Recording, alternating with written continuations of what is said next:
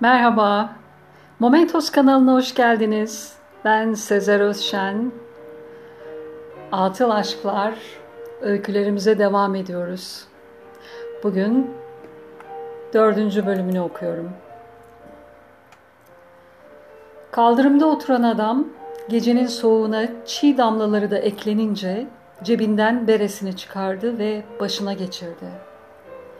Konteynerde bulduğu bu hazineyi okudukça çok derinlere sakladığı, hatta içinden yıllar önce attığını sandığı duyguları yavaş yavaş hissetmeye başladı.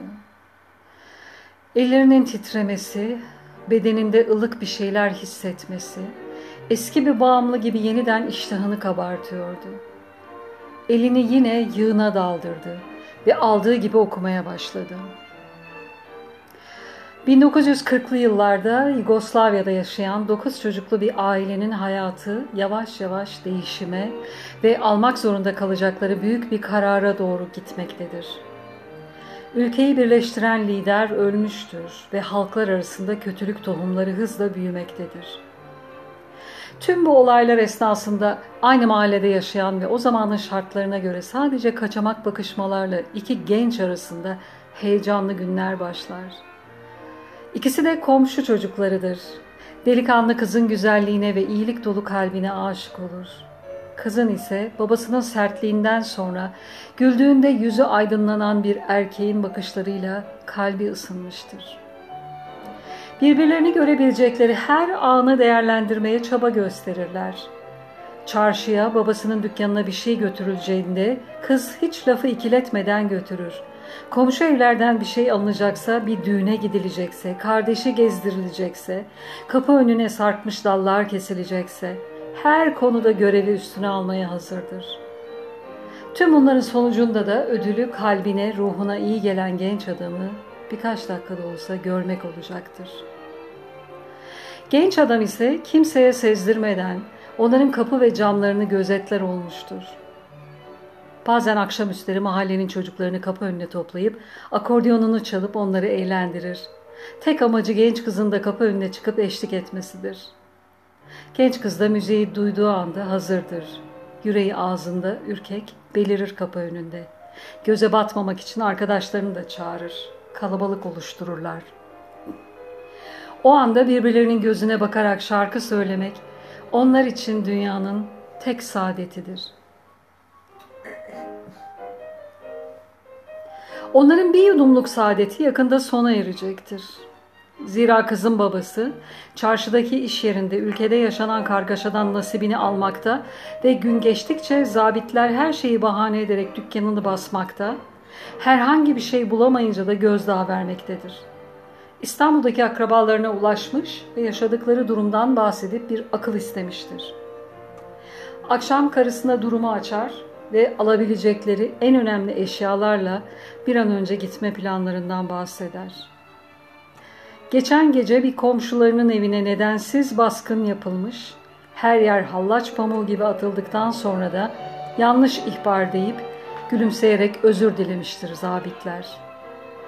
Yönetimin bezdirme politikaları inatçı halk tarafından bertaraf edilse de günün birinde silahların konuşacağı, her türlü çirkefliğin yapılabileceği bir ortamda ailesini ne kadar koruyabileceğini kara kara düşünen anne baba sonunda göç etmeye karar verirler.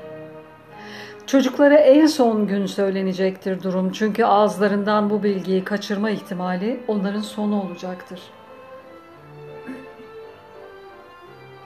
Yola çıkmadan iki gün önce genç kızla delikanlı bahçede karşılaşırlar. Gözleri milim kırpmadan birbirlerine mühürlü dururlarken uzaktan gelen kadınların sesleri onları kendilerine getirir ve oğlan hemen cebinden bir kağıt parçası ve incecik tel biçiminde bir yüzük sıkıştırıverir genç kızın eline. Sonra duvarın arkasında kaybolur. Genç kız avucundakileri kalbine bastırır, yanakları kızarır. Şu dünyanın tüm kötülükleri bir anda o bahçede yok olmuştur. Hemen eve gelir ve kimsenin görmeyeceği bir yerde kağıttakileri okur. Notta onu çok sevdiğinden ve onunla evleneceğinden bahsetmektedir. Hemen elindeki yüzüğü bir ipliğe geçirir ve kolye gibi boynuna takar. Kimse görmesin diye de elbisesinin içine saklar. Gece rüyasında düğününü görür, çok mesuttur. Sabahta yüzünde gülümsemeyle kalkar. Evdeki telaşı fark etse de önemsemez. Annesi ondan bazı eşyaları toplamak için yardım ister. Ertesi gün annesi onu karşısına alıp durumdan bahseder. Kız yıkılmıştır. Gözlerinden yağmur gibi yaşlar dökülür. O aşkı için ağlarken anne de doğdukları yaşadıkları yerleri terk ederek meçhule gidişlerine gözyaşı dökmektedir. Gecenin ortasında sessizce yola çıkacaklarını, kimseye söylememesini, kardeşlerini de hazırlamasını söyler annesi. Genç kız ise sevdiğine bir haber iletmenin derdine düşmüştür. Sokağa, bahçeyi dolanır ama onu göremez. Çaresiz bahçedeki ağaca boynundaki tülbenti bağlar. Gece yarısı herkes uykudayken yola koyulurlar.